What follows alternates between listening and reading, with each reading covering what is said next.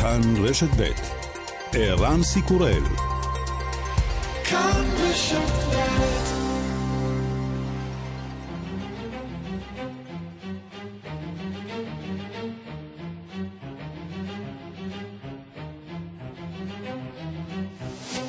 השעה הבינלאומית 8 ביולי 2020 והיום בעולם. מופע האימים של נשיא ברזיל ז'איר בולסונארו, כשהוא עומד קרוב מאוד לעיתונאים, הוא מודיע נדבקתי בקורונה. Tem muita gente, eu, por exemplo, se não tivesse feito o exame, não saberia, né, do resultado. E ele acabou de dar positivo. כמו אנשים רבים, אם לא הייתי נבדק בכלל, לא הייתי יודע את התוצאה, והתוצאה חיובית. אתה חיובי? שואל עיתונאי בתדהמה. חיובי, חיובי, אבל אני בסדר. אחר כך הוא מתרחק כמה מטרים ומסיר את המסכה.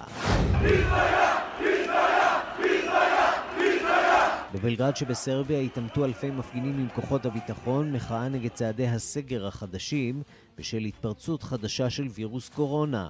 הם תובעים מהנשיא להתפטר בשל כישלונו בהתמודדות עם המשבר. סיטואציה je alarmantna u Beogradu, 4000 ljudi koji nam se nalaze u bolnicama.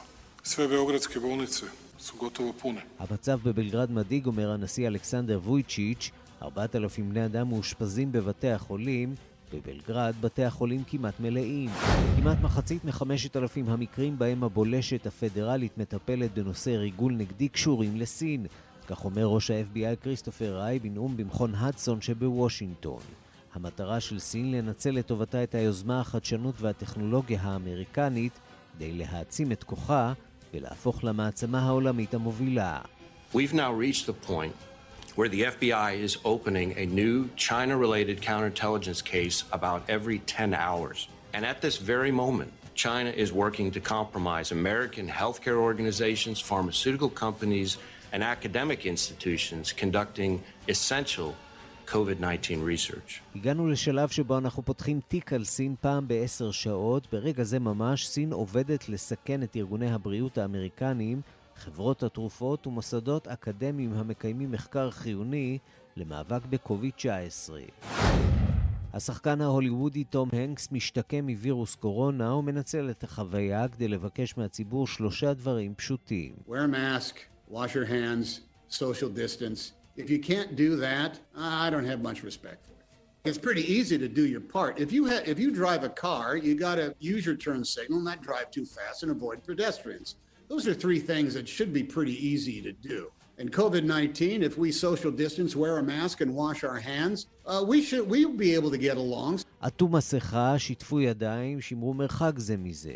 אם אתם לא יכולים לעשות את זה, אני לא מכבד אתכם במיוחד. קל למדי למלא את המוטל עליכם. אם אתם נוהגים במכונית, אתם חייבים לאותת לא לנסוע מהר מדי ולא לפגוע בהולכי רגל. אלה שלושה דברים שקל לעשות. במקרה של קוביד-19, אם נעטה מסכה, נשמור על ריחוק ונרחץ ידיים, נוכל להסתדר.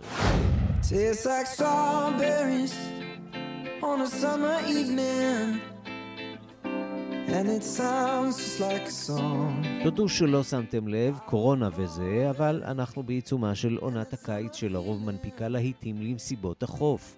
2020 לא דומה לשום קיץ שחווינו, תעשיית המוסיקה כמעט משותקת וגם המסיבות, ובכל זאת יש כמה מועמדים ללהיט של קיץ 2020.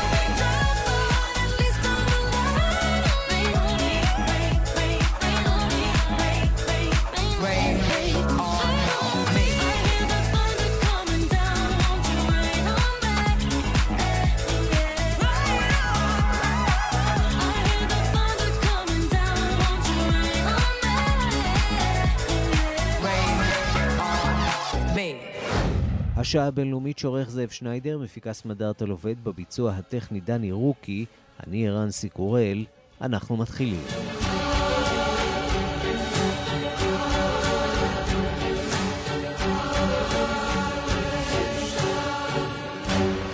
שלום רב לכם, איך אפשר שלא? וירוס קורונה, המניין הרשמי ברחבי העולם, מתקרב ל-12 מיליון חולים. כמעט 546 מתו מקוביד-19 מאז תחילת המגפה. ארצות הברית ממשיכה לשבור שיאים, מעל 108 אלף מקרים חדשים ביממה האחרונה. המספר הכללי של הנדבקים שם הוא כבר יותר משלושה מיליון, וברזיל במקום השני ברשימת המדינות הנגועות, רחוק מאחור גם הודו, רוסיה ובריטניה. אנחנו פותחים בדיווחה של כתבת חדשות החוץ, נטליה קנבסקי. מדינות אחדות החליטו בימים האלה להנהיג מחדש את המגבלות על תנועת התושבים ולפתיחת עסקים עקב העלייה במקרי הידפקות בשטחן. כך קרה במלבורן, העיר השנייה בגודלה באוסטרליה, אך גם בבלגרד, בירת סרביה. האוסטרלים קיבלו את ההחלטה הזאת בהבנה.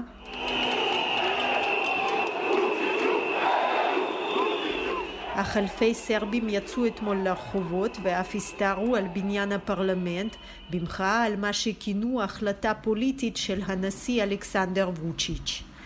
אך האזור שבו המגיפה מתפשטת במהירות רבה יותר הוא יבשת אמריקה, לפי הנתונים שהופצו אתמול במסיבת העיתונאים של ארגון הבריאות הפן-אמריקני, שהוא חלק מארגון הבריאות העולמי. ביבשת נרשמו חמישה מיליון תשע מאות אלף מקרי הידפקות וכמאתיים שישים ושבעה אלף נספים. רק בשבוע שעבר אושרו בחלק הזה של העולם 735 אלף מקרים חדשים של קורונה, כשהממוצע היומי היה מעל 100 אלף. We are also seeing some new patterns emerge. Two months ago, the United States accounted for 75% of the COVID cases in our region. This past week, the US reported just under half of cases in the region, while Latin America and the Caribbean registered אנחנו גם רואים את הופעתם של דפוסים חדשים. לפני חודשיים רשמה ארצות הברית 75% מכלל מקרי קוביד-19 באזור. בשבוע החולף ארצות הברית היא פחות ממחצית מכלל המקרים. יותר ממחצית המקרים נרשמו באמריקה הלטינית ובקריבים, כשבברזיל לבדה נרשמו כרבע מכל המקרים האלה, דיווחה ראשת ארגון הבריאות הפן-אמריקני, דוקטור קריסה אתיין. What we are seeing now is not a second wave. This is still the first wave, and I'm afraid it continues to grow. This wave is moving within each country, affecting areas that have not had many cases before. And this trend is concerning. It's concerning for two reasons. מה שאנו רואים כעת איננו הגל השני, זהו עדיין הגל הראשון ואני חוששת שהוא ממשיך לגדול. הגל הזה נע בכל מדינה ופוקד אזורים שלפני כן לא היו בהם הרבה מקרי קורונה. המגמה הזאת מדאיגה מאוד, הדגישה דוקטור אתיין. לדבריה שתי הסיבות העיקריות לדאגה הן, ראשית כל, העובדה שהשיא הזה מגיע כשרוב האנשים כבר התעייפו מצעדי המניעה ומן ההגבלות והדבר מסכן את בריאותם כי מה שחייבים כעת לעשות זה לא להקל אלא להדק על הצעדים האלה והדבר המדאיג האחר הוא שהמגיפה נעה כעת מהערים הגדולות שבהן מערך בתי חולים מפותח לעבר עיירות קטנות שמערכת הבריאות בהן אינה מסוגלת לתת מענה לכל החולים שמצבם דורש אשפוז. What is a concern is the fact that the disease numbers are increasing day by day. And if you imagine that somewhere in April and May we were dealing with 100,000 cases a day, today we're dealing with 200,000 cases a day. And that is not purely as a result of testing. מה שמעורר כעת דאגה הוא שמספר החולים עולה בכל יום. רק תתארו שבאפריל או מאי היו לנו כמאה אלף מקרים חדשים ביום, וכעת יש לנו 200 אלף. זאת אינה תוצאה אך ורק של הרחבת האבחון, המגפה באמת מאיצה את הקצב. הסבירה ראש תוכנית החירום בארגון הבריאות העולמי דוקטור מייקל ריין.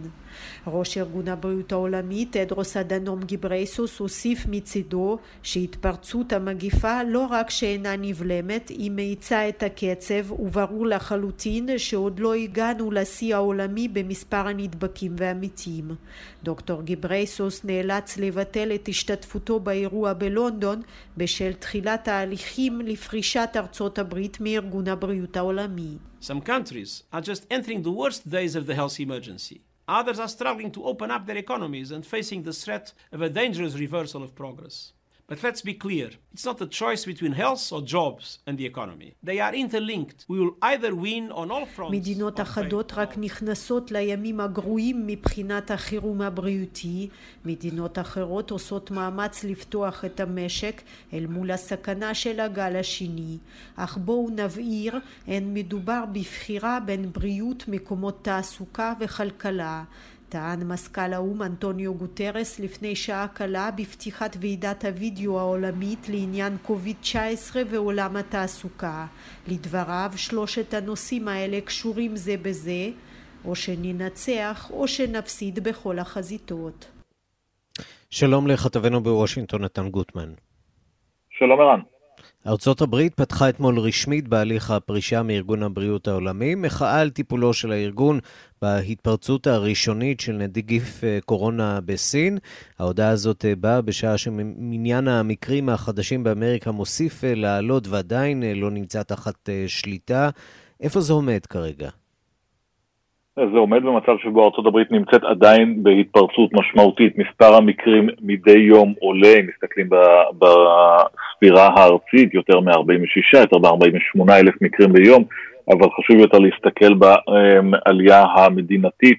כאן אנחנו מאתרים כמה מדינות מפתח שבהן ההתפרצות מאוד משמעותית בשלב הזה. קליפורניה, שהייתה במצב כל כך טוב אה, בהתחלה בטיפול שלה בזה, רואה קפיצה של יותר מעשרת אלפים מקרים חדשים ביממה האחרונה בטקסס, במדינת אריזונה המצב קשה במיוחד, בפלורידה יש דיווחים על כך שיחידות אה, טיפול נמרץ בבתי חולים הולכות ומתמלאות אה, ועוד מעט לא יהיה בהן מקום. אנחנו חוזרים במקומות האלה ממש לאותם תרחישים מהימים הראשונים של ההתפרצות הזאת, וברקע יש כמובן את השאלה מה זה אומר, האם זה אומר בסך הכל, כמו שמנסים בבית הלבן להגיד, שאנחנו סופרים יותר, אנחנו עושים יותר בדיקות ולכן זה נראה אולי כאילו שהמצב בעייתי, אבל בפועל מדובר ברוב המקרים האלה של אה, הידבקות שמובילים למחלה קלה מאוד, אם בכלל, הם אה, אנשים צעירים ולכן לא צריך לדאוג מזה, או שמקשיבים לרשויות הבריאות שאומרות צריך לדאוג מאוד כי ההתפרצות הזאת היא משמעותית, כי היא um, מתווספת לרמה גבוהה שהייתה קודם לכן, ושהיא תוביל בסופו של דבר גם למקרי תמותה. הנה uh, מה שאומר בעניין הזה דוקטור אנטוני פאוצ'י. We have peaked at a high level and stayed at about 20,000 cases per day for months until just uh, recently, about a couple of weeks ago, when we tried to start opening in certain of the states. And as the senator said very appropriately, sometimes a bit too soon, sometimes jumping over some of the checkpoints. We now have a resurgence where we've gone up as high as 57,000 cases, which is almost double what it was at our so called high baseline. כן, היינו ברמה גבוהה מלכתחילה, כלומר גם כשהמחלה הייתה תחת שליטה לכאורה, ארה"ב עדיין הייתה במצב גבוה של כ-20 אלף מקרים ביום, ואז הוא אומר הייתה פתיחה מאוד מהירה בהרבה מקרים כאשר הם אה, לא הקפידו על הכללים לפתיחה ועל ההדרגתיות, ולכן הגענו למצב שבו אנחנו נמצאים כיום, אה, אומר פאוצ'י, וכל זה קורה כאשר הממשל מודיע באופן רשמי על פרישתו מארגון הבריאות העולמי, ה-WHO, אתמול שיגר הבית הלבן את המכתב הנדרש לקונגרס בעניין הזה. הטענה נגד ארגון הבריאות העולמי היא ברורה, ארצות הברית טוענת שהארגון הזה בעצם שיתף פעולה, או לפחות לא לחץ על סין בשלבים הראשונים של התפרצות המגפה ואפשר לסינים להסתיר אותה ולכן לעולם לא היה מספיק זמן להיערך. אגב, הטענה הזאת די מגובה על ידי גם גורמים אובייקטיביים יותר שבדקו mm-hmm. את אה, התנהלות ארגון הבריאות העולמי, השאלה היא לגבי התגובה האמריקנית. אה, בארצות הברית אה, יש קולות שונים, גם כאלה שאומרים שנכון שיש ביקורת על הארגון, זה לא אומר שצריך לפרוש בתקופה כזאת ולהוציא את המימון המשמעותי של ארצות הברית מהארגון שפועל כדי למגר את המגפה בעולם, והמועמד הדמוקרטי לנשיאות, ג'ו ביידן, הצהיר שביומו הראשון בבית הלבן הוא יחזיר את ארצות הברית לארגון הזה, כמובן אם הוא ייבחר. כן, כשצריך לומר שמדובר באמת אה, בשלב הראשון בהליך הפרישה שיימשך אה, עד הקיץ, כך שבהחלט הסיפור הזה יכול להשתנות, כפוף אה, לבחירות לנשיאות. נתן גוטמן, כתבנו בוושינגטון, תודה. תודה רבה. שלום לדוקטור אניה ארוניס. שלום לדוקטור אנה אהרוניס, עדיין לא איתנו. אז אה, בינתיים אנחנו אה, נבדוק מה קורה בצרפת. הממשלה החדשה בצרפת אה, נאלצת להתמודד עם המשבר הכלכלי שבפתח, אבל יש גם סיכונים מצד הגל השני של מגפת הקורונה. ראש הממשלה ז'אן קסטקס הבטיח תקציב מיוחד של 750 מיליארד אירו למערכת הבריאות. הדיווח של כתבנו בפריז, גדעון קוץ. ראש ממשלתה החדשה של צרפת, ז'אן קסטקס, עובר היום עם חברי ממשלתו את טבילת האש הראשונה בפרלמנט, האספה הלאומית. עוד לפני שהחל להשיב על המתקפה של האופוזיציה, הוא דאג להעביר את מסריו בציוצים ובריאיון משודר. הוא אישר את תוכנית התקציב המיוחד של 750 מיליארד אירו לטובת מערכת הבריאות, שעיקרו העלאות שכר ויצירת משרות חדשות לנוכח תוכנית הקיצוצים של כ-75 אלף משרות וחזר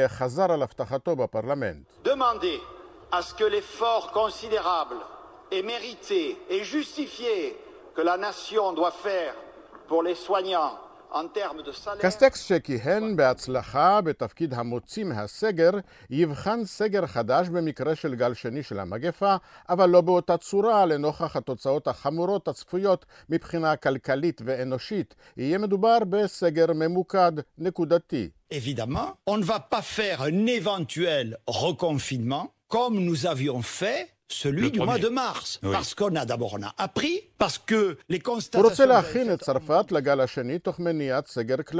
J'ai bien, dans le sens de la mission qui m'a été confiée, la volonté de préparer la France à une éventuelle deuxième vague, mais surtout קסטקס אמנם מבטיח להמשיך ברפורמה בחוקי הפנסיה שמוציאה צרפתים רבים לרחובות, אבל יפתח בהתייעצויות שידחו אותה כנראה, כמו את הכוונות לפגוע בביטוח נגד האבטלה. קסטקס גם נאלץ להגן על ההאשמות שיהיה רק כלי שרת בידי הנשיא מקרון, אני אדם חופשי שהוטלה עליו משימה, הוא טען, ולהגן על מינויי שרים שעוררו תמיהה ומחאות, כמו שר הפנים החדש, ג'רל דרמנן, שתלויה ועומדת נגדו האשמה הואשמה באונס. ערכאות קודמות מצאו שאין מקום למשפט ומכל מקום הוא זכאי ליהנות כמו כולם מהנחת החפות מפשע. ושר המשפטים עורך הדין הסוער אריק דיפום מורטי שעורר בין השאר גם הוא את הפגנותיהן של פעילות פמיניסטיות בגלל התנגדותו לתנועת מיטו, אבל בעיקר נתקל בהכרזת מלחמה מצד השופטים שעל חוסר עצמאותם מתח ביקורת חריפה בעבר. הוא אדם נפלא, טען קסטקס. בהופעתו הראשונה בפרלמנט ניסה מורטי לומר שיש הבדל בין פעילותו של עורך דין לשר, אבל איבד בגלל חוסר ניסיון את זמן הדיבור שהוקצב לו מול הפרעות צירי האופוזיציה, וכך זה נשמע.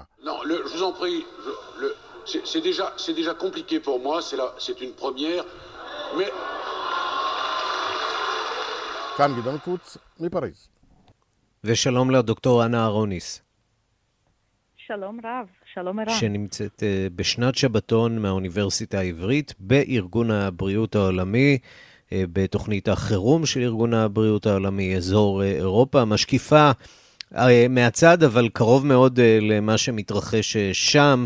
על האופן שבו הארגון הזה מתנהל ומתקדם עם טיפול במשבר הזה, משבר הקורונה.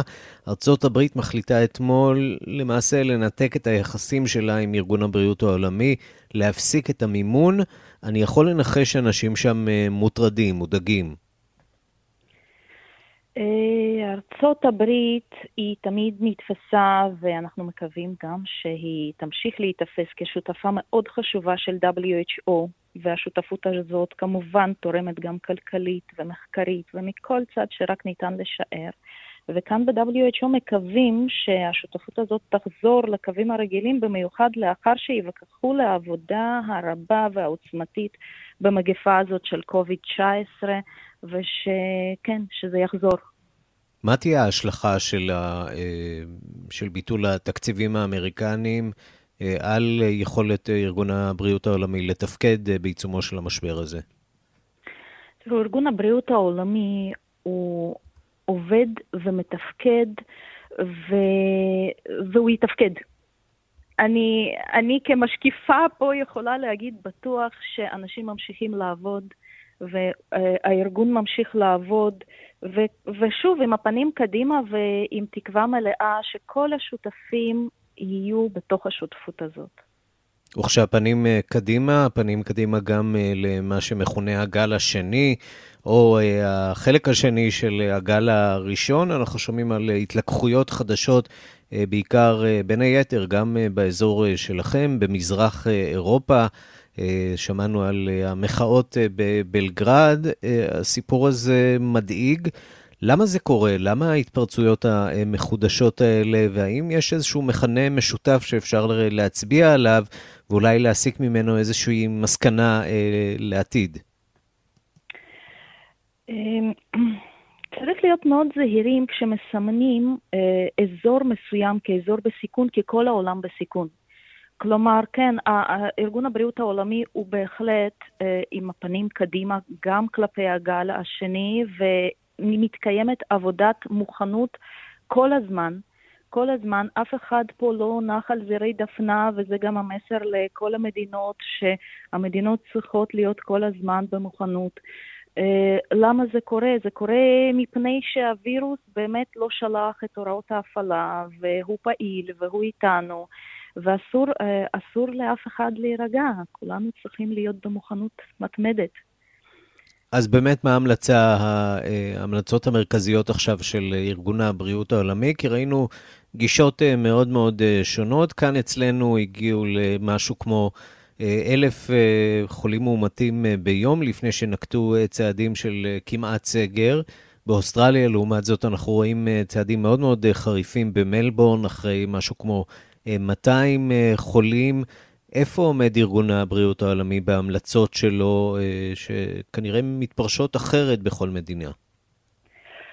לכל מדינה כמובן יש את האוטונומיה שלה להחליט. ארגון הבריאות העולמי הוא ממליץ לכל המדינות להשקיע במערכות מעקב, בבריאות הציבור, בבתי חולים, והמשבר הזה בעצם הראה ש... שבריאות הציבור זה לא איזשהו תחום צדדי, הוא צריך להיות באמת ליזון מתקציבים, צריך באמת להשפיע. עכשיו, בנוסף, גם ההשפעה צריכה להיות, אה, ההשקעה צריכה להיות, סליחה, אה, גם בתחום, בבלנס הזה בין הבריאות הפיזית לבריאות הנפשית, הכלכלית, אה, מפני, ש... מפני שבמשבר הזה, מה שאנחנו רואים זה לא רק את היכולת של המדינה לעקוב אחרי האדם ולשים אותו בבידוד, שזה מאוד מאוד חשוב, אלא גם החשיבות של האזרח לשתף פעולה, לציית להנחיות, לבוא ולדווח על הסימפטומים. וזה כמובן, לזה כמובן יש גם סיבות כלכליות ונפשיות ואמוציונליות. ולכן, כן, ארגון הבריאות העולמי אומר שלהשקיע בבריאות הציבור, להשקיע במערכת הסורוויילנס ולתמוך באוכלוסייה. ואולי גם להשקיע בתזונה, זה אחד מתחומי המומחיות שלך. אני רוצה לשאול אותך עד כמה מזהים את הקשר בין תזונה אה, להתמודדות עם המחלה הזאת. אה, כן, זה בהחלט אה, אחד, אה, זה בהחלט התחום המומחיות שלי, ואנחנו רואים שתמיד המצב התזונתי משפיע על המגפות, כמובן, והמגפה הזאת גם חושפת עוד ועוד שכבות של אי ביטחון תזונתי, את הצורך במזון בחירום. אה, כי באמת אה, אנשים מוצאים את עצמם אה, מאוד מאוד לא בטוחים מבחינה תזונתית, ובזה צריך באמת להשקיע. ועכשיו האוכל, כשאנחנו שומעים באמת על, על תחלואה, לא רק במדינות העולם הראשון, לא רק בארצות הברית, לא רק באירופה, אלא גם יותר ויותר התפשטות למדינות כמו הודו למשל. הסיפור הזה של תזונה הוא משמעותי ב, ביכולת לשמר חיים, נכון? מאוד משמעותי. מאוד משמעותי למניעה ומאוד משמעותי גם לבריאות הציבור, וכמובן ששכבות חלשות זה אה, תחום שצריך מאוד מאוד להשקיע בו, תמיד, אבל לאור המגפה הזאת כמובן, כמובן. לסיום אני רוצה לשאול אותך אה, לגבי חיסון, מה את שומעת שם? עד כמה באמת אנחנו אה, קרובים ליום שבו אפשר יהיה להגיד שיש או חיסון או תרופה שהיא משמעותית אה, מספיק כדי לשנות כאן את כללי המשחק? לגבי החיסון, ישנו מספר חברות שבאמת, שבאמת מנסות לפתח את החיסון. חלקן עכשיו נמצאות בשלבים מתקדמים של ניסויים קליניים. ואנחנו כמובן מקווים שהחיסון הזה יתפתח. עם זאת, הווירוס הוא ערמומי, הוא לא כזה קל, הוא לא נכנע בקלות. Mm-hmm. ומה ש... כן, ומה שקורה זה שכמובן שהיינו מאוד רוצים, אה, אה, כולנו, אה, שפתאום יופיע חיסון, אבל אסור לדלג על שלבי, על, על השלבים של ניסויים קליניים. החיסון צריך להיות מאוד מאוד מאוד מוכח, והוא צריך לעמוד בכל הדרישות של החיסון, והוא צריך לעבור את כל השלבים, ורק אז נוכל באמת אה, להיות בטוחים שהחיסון שיוכרז עליו הוא באמת יהיה נכון. אז זה חיסון אחד, אבל יש גם אה, חיסון שני, החיסון אה, נגד שפעת, והשפעת גם צריכה להדאיג את כולנו. עד כמה ערוכים בארגון הבריאות העולמי ובכלל בעולם לספק את חיסוני השפעת, שוודאי יהיו להם, יהיה להם הרבה יותר ביקוש בחודשים הקרובים? אז אני חייבת להגיד שאני אה, הופתעתי באמת לראות עד כמה זה כל הזמן נמצא ברקע, תמיד, ועבודת המוכנות פה מתקיימת, במיוחד שהסניף פה, האירופאי, הוא מאוד מאוד בתוך העניין של השפעת, ועבודת המוכנות של השפעת זה עבודה, עבודת היום-יום שלהם עוד לפני אה, פרוץ מגפת ה-COVID-19. דוקטור אנה אהרוניס, אה, שנמצאת אה, בשנת שבתון מהאוניברסיטה העברית אה, בתוכנית החירום של ארגון הבריאות העולמי, אזור אירופה, תודה רבה לך על השיחה הזאת. תודה רבה, ושיהיה לכולנו בהצלחה ולבריאות. רק בריאות, תודה. תודה. אנחנו לברזיל, נשיא ברזיל ז'איר בולסונארו, אולי המנהיג שזלזל יותר מכולם בווירוס קורונה, חלה במחלה. שלום לכתבנו בסאו פאולו, רן לוצקי. שלום, צהריים טובים. בשלב הראשון נאחל לו בריאות, בשלב השני אה, בוא נודה שאנחנו לא מופתעים אה, במיוחד. לא, לא. יש כאלה שיגידו צחוק הגורל או קרמה, אבל uh, בהחלט ייתכן שמה שגרם לו לחלות זה בדיוק זה, זה הזלזול שלו במחלה, הזלזול שלו בהוראות, הזלזול שלו בהקפדה על מרחק, ריחוק חברתי. Uh, בולסונאו באין ספור הזדמנויות הופיע בציבור בלי מסכה, uh, עם הרבה אנשים, מתחבק, לוחץ ידיים עם תומכיו. מצטלם עם שרים, עם פוליטיקאים. רק בשבת האחרונה הוא השתתף, ממש לפני שהוא התחיל להרגיש ברע, השתתף בחגיגות יום העצמאות של ארה"ב בשגרירות האמריקאית בברזיליה, הצטלם עם שגריר ארה"ב, כמובן, בלי מסכה, בלי הגנה. וביום ראשון הוא התחיל אה, להרגיש רע, נבדק, והתברר שהוא, שהוא חולה. אה, מה שכמובן גורם להרבה אנשים, גם באופוזיציה, לקרוא לו, כמובן לאחל לו בריאות, אבל לקרוא לו גם אולי לשקול את מה שהוא עשה עד עכשיו ולראות אם אפשר למצוא מדיניות uh, טובה יותר ל, uh, למנוע, לנסות למנוע עוד יותר את ההתפרצות בברזיל, שכבר במצב קשה מאוד, עם כמעט 68 אלף מתים. Uh, מה שעוד ככה העלה תמיהה אולי בהודעה שלו, שהוא, שהוא הודיע אתמול בריאיון טלוויזיוני, לא לכל רשתות טלוויזיה, כי גם פה הוא דאג ככה להתחשבן עם הרשתות שלא מסקרות אותו כמו שהוא אוהב. אבל הוא חזר והדגיש, הוא אמר 17 פעמים במהלך רעיון של בערך 20 דקות, את השם של התרופה אה, למלאריה, שלטענתו יכולה לעזור אה, נגד קורונה. הוא הדגיש שהוא לוקח אותה, שהוא כבר התחיל לקחת אותה, ומעט אחר כך הוא אפילו העלה בעצמו וידאו לרשתות החברתיות, שבו הוא פשוט אה, מסביר ומראה לכולם איך לוקחים אה, תרופה, איך לוקחים כדור, אנחנו יכולים אה, לשמוע איך זה היה. Estou tomando aqui a terceira dose da hidroxicloroquina. Estou me sentindo muito bem. Estava mais ou menos domingo, mal segunda-feira. מה כל כך מצחיק, רן לוצקי? הסיפור הזה רציני מאוד. למה זה מצחיק אותו?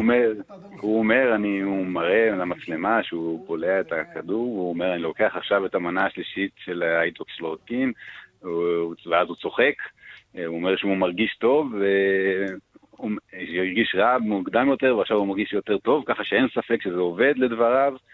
הוא אומר שהוא יודע שהתרופה הזאת לא מוכחת מדעית, אבל הוא הולך עם מה שעובד, ואם זה עובד uh, בשבילו, אז זה בטח גם עובד, uh, יעבוד בשביל כולם, ושואל, בעצם מסיים בשאלה לקהל אם הם מאמינים כמוהו uh, בתרופה. באמת שאין לי כל כך הסבר להתעקשות הזאתי. אני מניח שגם אין לך הסבר מדוע אה, הנשיא בולסונארו אה, סיפר שהוא חולה אה, כשהוא עומד כל כך קרוב לעיתונאים. ומדבר ישירות למיקרופון שלהם, אחר כך הוא גם מסיר את המסכה מפניו, בניגוד לכל כלל הגיוני ובניגוד לכל ציפייה ממנהיג בתקופה כזו של משבר. נכון, נכון, וכאמור, אנחנו רואים את זה לאורך תקופה ארוכה, עיתונאים, אני מסכן, אני לא חושב שהם ידעו, לא בטוח שהם ידעו שהוא הולך להגיד להם שהוא חולה. למה הם כן, נחשפים, כן. כן, אבל באמת, מי, מי שהמקרים הראשונים של וירוס הקורונה התגלו פה בברזיל בחודש מרץ, כבר הוא מיהר להגיד שמדובר בשפעת קלה וזה שום דבר, ומאז הוא חזר ותקף את המדיניות של, של גורמי הבריאות בברזיל כמדינה פדרלית בכל אזור. יש מדיניות שונה, ברוב המקומות סגרו את השווקים, הורו על בידוד חברתי, והוא תקף את זה שוב ושוב, אמר שהנזק הכלכלי יהיה גרוע בהרבה מהנזק של, של הבריאותי, או כמו שהוא אמר, כמה אנשים ימותו, התבטאויות ברוח הזאתי. ו... וכשהוא מדבר על כמה אנשים ימותו, אנחנו מדברים על 66 אלף, כמעט 67 אלף בני אדם שכבר מתו מהמחלה. רק אתמול מתו בברזיל 1,312 בני אדם, זה המספר הגבוה ביותר בעולם, המדינה עם הכי הרבה מתים אתמול. המספרים שם אה, רק הולכים אה, ועולים, והגישה הזאת אה, כנראה לא תביא את הברזילאים רחוק מדי. רן לוצקי, כתבנו בברזיל, תודה רבה לך. תודה, להתראות. אנחנו מכאן למצב הכלכלה, שכמובן מדאיג את כולנו. שלום לישראל פישר. שלום, שלום. כתב כלכלה עולמית בדה-מרקר, אז הסיפור הזה של הקורונה הולך ומסתבך. הולך ומתמשך, יש מדינות שמתמודדות איתו טוב יותר בזירה הכלכלית, יש כאלה שפחות. בוא תנסה לעשות לנו קצת אה, סדר עד כמה אה, העולם ועד כמה אנחנו בתוך העולם נמצאים אה, במשבר עמוק שהוא בלתי הפיך. אם בוחנים את מידת התמריצים שהעבירו מדינות אירופה, ארה"ב, קנדה, לתעשיות שונות, לשוק, אפילו כסף ישיר שניתן לאזרחים, ישראל נמצאת במקום די גרוע. אה, אנחנו יכולים לראות באירופה שהם כל הזמן מכריזים על עוד ועוד ועוד תוכניות תמריצים, והם מנצלים את ההזדמנות גם לערוך רפורמות כלכליות עמוקות, והם קוראים לזה השקעות ארוכות טווח, כי כשאנחנו בונים כלכלה בעצם מאפס, כי הקריסה הזו היא קריסה איומה, אולי אה, בקנה מידה היסטורי לא נרשמו דברים כאלה, כל הנתונים רק מתבררים אה, בכל חודש מחדש. אה, אז הם אומרים, טוב, בואו ננצל את ההזדמנות הזו. באירופה למשל, הנציבות האירופית אומרת, אנחנו, חברה רוצה שלקבל אה, כסף, סיוע, היא צריכה להוכיח שהיא מתייעלת גם מבחינה אנרגטית, מבחינה ירוקה, תעשיית הרכב למשל. החברות יקבלו, החברות האירופאיות, פז'וט סיטרואן, פולקסווגן, יקבלו סיוע מהנציבות האירופית, לא רק מהממשלות הספציפיות של כל אחת מהמדינות שבהן היצרניות האלה פועלות, רק אם הן יוכלו לפתח מכוניות חשמליות. אה, שר האוצר הבריטי מתכוון להציג היום מיני תקציב. מיני תקציב הזה זה אומר תוכנית אה, שכוללת אה, הקצאה של שלושה מיליארד אה, פאונד לקידום אה, תעשיות ירוקות, ובנוסף שני מיליארד פאונד לקידום תעסוקת צעירים. זה אומר שהממשלה, שאני מזכיר שזו ממשלה שמרנית, לא סוציאליסטית, תשלם ממש משכורות לצעירים עד גיל 25 כדי שיוכלו לחזור לשוק התעסוקה, ואנחנו ראינו את ההתנהלות הבריטית הזו אה, גם בתחילת המשבר, כשהם אמרו, אוקיי, לחברות, אל תפטרו את האנשים, אנחנו נשלם עד 80% מהשכר של האנשים. אתם אל אתה יודע, אנחנו שוחחנו אתמול עם uh, מישהו שחי באוסטרליה, במלבורן, uh, ששם הודיעו להם שבחודש וחצי uh, הקרובים הם צפויים לשבת בבית, וכמובן לא לצאת uh, לעבודה, והממשלה הודיעה להם שהיא תשלם להם בעצם את המשכורת. עד כמה הסיפור הזה באמת ריאלי, שממשלות לאורך זמן ימשיכו לשלם סכומים כאלה, להכניס את היד לתוך הכיס ולהגדיר את הגירעון, כי גם לזה יש השלכות. יש לזה השלכות uh, חמורות בטווח הארוך מאוד מאוד מאוד, אבל אנחנו באמת במצב חסר תקדים, וכל הכלכלנים אומרים דבר אחד פשוט. לא, זה לא הזמן לחשוב על גירעון. עכשיו אנחנו צריכים להכניס את היד לכיס ולחשוב איך אנחנו מתניעים מחדש את הכלכלה, כי אנחנו רואים שיש קשיים להתניע מחדש את הכלכלה, אם באוסטרליה, שמכריזים מחדש על הסגרים, אה, גם הברית בחלק מהמקומות סוגרים אה, תעשיות מסוימות, ואנחנו רואים שגם הנתונים של ה... הפתיחה הם לא מספיק טובים. בגרמניה אתמול פורסמו, גרמניה זה מרכז ייצור תעשייתי גדול מאוד באירופה, גדול באירופה, ואנחנו רואים שהנתונים לחודש מאי שפורסמו אתמול מצביעים על התאוששות חדה לעומת אפריל, אבל לעומת mm-hmm. התחזיות זה לא מספיק טוב, אנחנו עדיין רואים נפילה חדה, והמטרה היא קודם כל לשמור על האנשים, על יכולת הקנייה של האנשים, שהם יוכלו, אני לא מדבר רק על דברים בסיסיים כמו אוכל, שאנחנו רואים שיש עוד ועוד אנשים שנכנסים לעוני, אלא גם על צריכה של דברים שהם לא ממש necessities בתקופה הזו, אלא קודם כל פשוט להחזיר, להצניע את הגלגל, ואנחנו ראינו ניסיונות כאלה, גם ב-2000, אחרי המשבר של 2008, שבעצם הגירעון גדל מאוד, וב, ומנסים, אה, אה, אה, וככה מנסים בעצם להחזיר את הלקוחות, את האנשים, לקניות, כי, כי זה מה שבעצם מזיז את הכלכלה, מניע את הכלכלה, הצריכה הפרטית יותר מהכל, ובשלב הארוך, אותה צריכה פרטית, אם היא, כדי שהיא לא תידרדר, זה גם יוביל לכך שהקריסה הכלכלית לא תהיה כל כך קשה. לסיום אני רוצה לשאול אותך, לא אה, מה יקרה ביום שבו אה, יגיע החיסון אה, לשווקים? האם אין סיכוי או תקווה שנראה פתאום קפיצה של הכלכלה בבת אחת?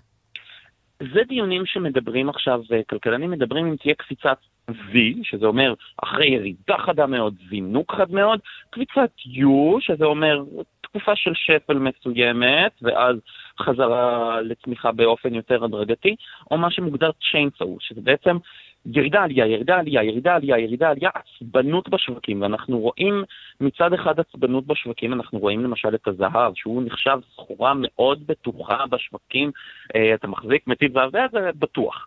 אה, ואנחנו רואים אותו מגיע היום אה, חוצץ רף של 1,800 דולרים, ומגיע לשיא של שמונה שנים, וכבר מדברים על זה שהוא יגיע לשיא ההיסטורי שלו, שנרשם ב-2011, 1,920 דולרים. מצד שני, אתה רואה את שוק המניות, לא באמת, הוא, הוא קצת מנותק מה... מהנעשה בשוק, כי המניות ממשיכות בסך הכל לא רושמות ירידות חדות כמו שנרשמו במרץ. טוב, בוא, בוא נקווה שהכבש הזה יצא עד כמה מהר שאפשר uh, מהכלכלה, ואולי uh, יכניס את כולנו לתחושה של uh, שיפור ורווחה מהר ככל האפשר. ישראל פישר, כתב כלכלה עולמית בדה-מרקר, תודה רבה לך. תודה רבה, להתראות. השעה הבינלאומית, עכשיו אה, לסיפורים שפחות אה, מקבלים אצלנו אה, כותרות, אבל עדיין מאוד מאוד מעניינים. אנחנו אומרים לקשב התחום הערבי, אומרים שלום לאלונה מיצי. שלום ערן. אתה לוקח אותנו היום לאלג'יריה וליחסים ההיסטוריים הקשים שיש לה עם המעצמה הקולוניאלית צרפת. נכון, ביום שישי ממשלת צרפת מסרה לאלג'יריה את גופותיהם של 24 לוחמים אלג'יראים שנלחמו בקולוניאליזם הצרפתי במאה ה-19. ליתר דיוק, מסרה את גולגולותיהם. כדי להבין את החשיבות של האירוע הזה, שהוא כמובן בעיקר סימבולי, אנחנו נצטרך לחזור אחורה בזמן. אלג'יריה הייתה קולוניה של צרפת, ותושבי אלג'יריה התנגדו לשלטון הצרפתי, שנמשך יותר מ-100 שנה, עד 1961, אז הוכרזה עצמאות אלג'יראית. המאבק לעצמאות היה אלים וממושך, והמון אלג'יראים נהרגו גם בלחימה וגם במעשי טבח. ובשנים שעברו מאז הכרזת העצמאות, אלג'יריה וצרפת היו ביחסים חיוביים, אך לא חמים במיוחד. מצד אחד, צרפת הפוסט-קולוניאליסטית השקיעה המון באלג'יריה ובתעשייה שלה, אך סירבה להכיר בחטאי העבר במלוא המובן של המילה. הרבה ממנהיגי צרפת שהתבטאו בנושא אמרו דברים כמו סבל משני הצדדים, טעויות שנעשו וכו'. והדבר הזה הכעיס את האלג'יראים וגרם להרבה התנגדות מצד ההנהגה שלהם. והרבה מתקופות השפל ביחסים בין המדינות באו בעקבות מתיחות שנבעה מהנושא הזה. בעשור האחרון המגמה הזאת משתנה. מנהיגי צרפת, אז אה, פרנסואה הולנד, כיום עמנואל מקרון, הנהיגו יח... מדינו... מדיניות של יחסים חמים ומחודשים עם אלג'יריה. וכחלק מזה, הכרה באשמתה של צרפת בקולוניאליזם. השבוע שעבר זה הגיע לכדי ביטוי בצעד סימבולי שמבחינת אלג'יראים היה עוצמתי במיוחד. החזרת גולגולות של 24 לוחמים אלג'יראים שהיו בידי הצרפתים. הגולגולות הגיעו במטוס מצרפת והתקבלו בטקס צבאי ממלכתי עם תזמורת ומטח כבוד, כמובן שגם בנוכחות נשיא המדינה, עבד אל-מג'יד טבון. הן uh, הוצגו לראווה ליום, ואז נקברו בחמישי ביולי, יום העצמאות האלג'יראים. בואו נשמע את אחד האזרחים שמספר על חשיבות האירוע מבחינתו. هذه دموع تاع فرحه ان شاء الله فرحان لدرجه ما تتصورش فرحان يعني سبحان الله العظيم هذو هم اهل الوطن 170 سنه سبحان الله هم عند الناس اليوم روحوا لبلادهم כפי ששמענו, בוכה מאושר מכך שאחרי 170 שנה אותם לוחמים חוזרים הביתה. אגב, זה שהוא בוכה זה לא חריג, גם הנשיא טבון בכה בנאומו. מהנשיאות הצרפתית נמסר שהצעד נועד לאחות את הפצעים המשותפים של אלג'יריה וצרפת, וכנראה שאנחנו נראה בהמשך צעדים סימבוליים נוספים של נטילת אחריות צרפתית בנושא. במיוחד בצל האקלים העולמי כעת, ששם על המוקד את עוולות העבר והקולוניאליזם ביניהם. אלון אמיצי, קשר והתחום הערבי, תודה לך. תודה. כלי תקשורת באיראן וכלי תקשורת שהם מזוהים עם המשטר הסורי מדווחים לפני שעה קלה כי איראן וסוריה חתמו על הסכם כולל במישור הצבאי והביטחוני, ועיקרו, כך נראה, נוגע לדבר שעשוי לעניין מאוד את ישראל. עמרי חיים, כתבנו לענייני ערבים, שלום לך. שלום, שלום ערן. מה בהסכם הזה? תראה, מדובר בהסכם שנחתם ממש מוקדם יותר היום בידי שר ההגנה הסורי, עלי איוב, והרמטכ"ל האיראני מוחמד בקרי. בקרי אומר אחרי החתימה על ההסכם, בהודעה משותפת עם שר ההגנה הסורי, שבמסגרת ההסכם הזה איראן למעשה, שים לב, תחזק את מערכות ההגנה האווירית הסוריות כחלק מהידוק היחסים הצבאיים בין המדינות. שר ההגנה הסורי עלי איוב אומר שמי שמהמר על הריסת הקשרים בין איראן וסוריה, שוגה באשליות ועליו להתעורר מהחלומות שאותם הוא חולם, כך לדבריו. הוא גם הוסיף שישראל היא שותפה עוצמתית במלחמה נגד סוריה, ושהמורדים הסורים, אותם הוא מכנה כנופיות טרור, הם חלק מתוקפנות ישראלית נגד סוריה. וצריך להגיד, ערן, הכוונות האלה של איראן לסייע לסוריה בחיזוק מערכות ההגנה האוויריות שלה, זה בהחלט משהו שישראל צריכה להיות קשובה לו, שכן כמו שאנחנו יודעים, מעת לעת בשנים האחרונות מיוחסות לישראל בתקשורת הזרה, כמובן, תקיפות בשטח סוריה, כאלה שלפי פרסומים זרים מכוונות נגד יעדים איראנים, יעדי חיזבאללה ויעדי צבא סוריה במדינה. זה דיווח מעניין מאוד על ההסכם העל פניו משמעותי הזה שנחתם היום בין איראן וסוריה. אנחנו כמובן נמשיך לעקוב. עמרי חיים, תודה. תודה רבה.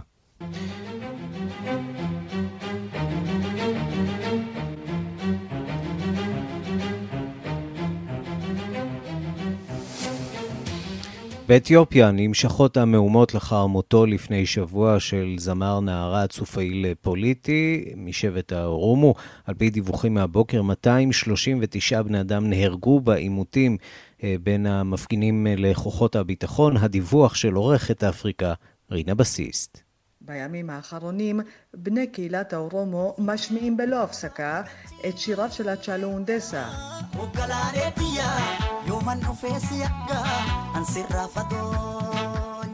מחווה לאיש שנרצח לפני שבוע, מחווה לזמר ששימר את המורשת התרבותית שלהם, מחווה לפעיל שנלחם למען זכויותיהם של בני השבט.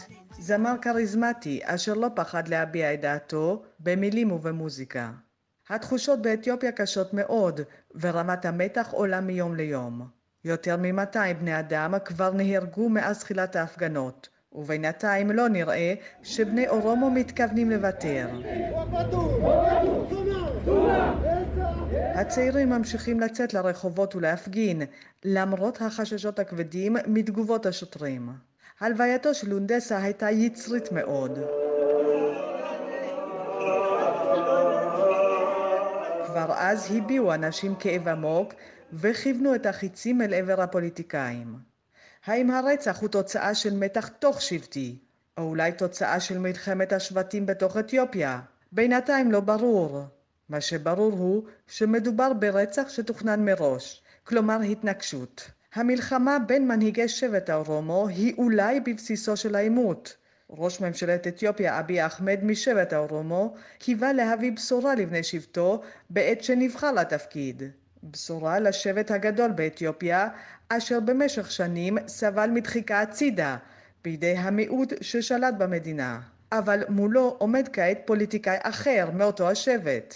זהו ג'וואר מוחמד, איש תקשורת ועסקים אשר נכנס לפוליטיקה ואשר נוקט קו הרבה יותר חריף מאבי אחמד. בשבט האורומו חוששים שהסכסוך המתוקשר בין השניים הוא שהביא לרצח. התגובות החריפות של כוחות הביטחון להפגנות לא מבשרות טובות. כאן רינה בסיסט. ועכשיו קצת מוסיקה עולמית. משה מורד שלנו, איש המוסיקה העולמית שלנו, לוקח אותנו לברזיל. שלום משה. כן, שלום ערן, והשמעתי באמת את אונדסה, מתי זה היה? לפני שבוע או שבועיים? שבוע, כן, שבוע. נרצח, כן, ומאז mm-hmm. קרה שם הרבה באתיופיה. גם בברזיל אה, קרה וממשיך אה, לקרות הרבה. רוב המוזיקאים והאומנים בברזיל יצאו באופן גלוי עוד לפני הקורונה נגד הנשיא בולסונארו. אבל אחד מהם, סאו ג'ורג', אומן מאוד ידוע, אה, חטף משום מה ביקורת, אה, זה רץ ברשת ככה, שהוא בעצם תומך בבולסונארו, ואפילו קראו לו בולסו מיניון, כאילו מיניון של בולסונארו. אה, זאת למרות המוצא שלו, הוא שחור, אפריקאי, ברזילאי, היה בכל נעוריו, היה הומלס, והוא היה סמל לפאבלות כשהוא השתתף בסרט הנפלא עיר האלוהים על הפאבלה הידועה לשמצה בריו. הוא כבר פרסם שזה לא נכון וההפך, והוא תוקף את בולסונארו, אבל זה לא יעזור, השם הזה ש... שהוא קיבל כבולסו מיניון עדיין נתפס בו. אה, אני איכשהו מאמין לסאוזו, זה אגב גם ביקר בארץ, עשה פה מופע מדהים של שירי דויד באוי בפורטוגזית. אה, ופה נשמע קטע מתוך עיר האלוהים, הסרט המדהים הזה על הפאבלה בריו, שהעלתה את כל נושא הפאבלות בכלל לדיבור עולמי. אה, הוא גם מחדש של מוזיקת הסמבה, ואנחנו יכולים לשמוע את זה טוב מאוד בקטע הזה. זהו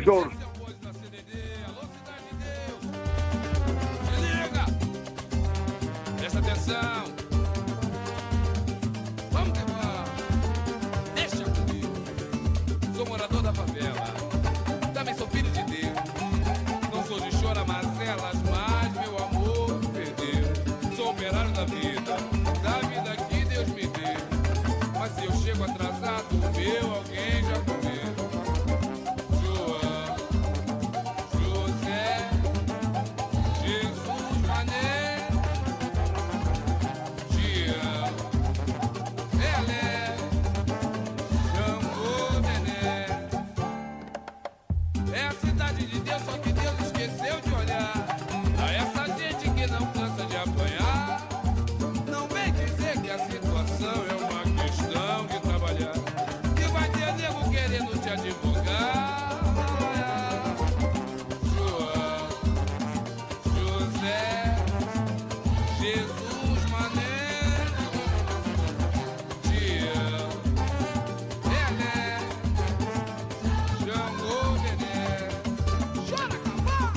משה מורד, איש המוסיקה העולמית שלנו, משיחתנו אני אקח את המילה בולס ומיניון, זה, זה באמת אה, די, אה, די מוצלח.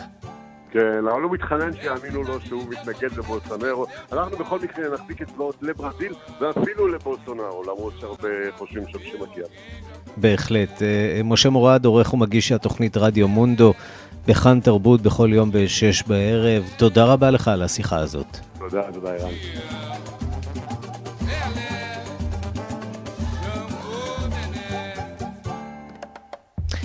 עד כאן השעה הבינלאומית מהדורת יום רביעי, אחרונה בשבוע בצוות העורך זאב שניידר, המפיקות סמדר טל עובד ואורית שולץ, הטכנאים דני רוקי ושמעון דוקרקר, אני ערן סיקורל, אחרינו רגעי קסם עם גדי לבנה.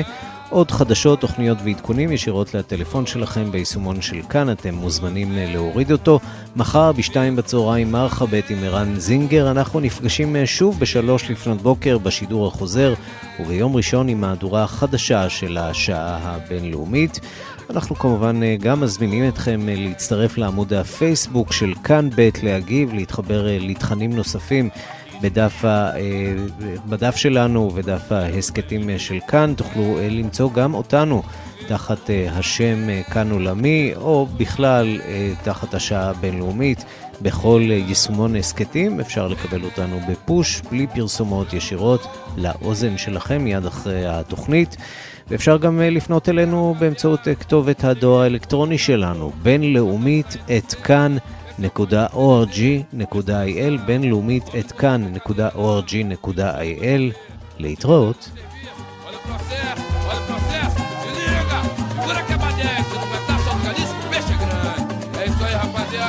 Oxalá proteja o caminho de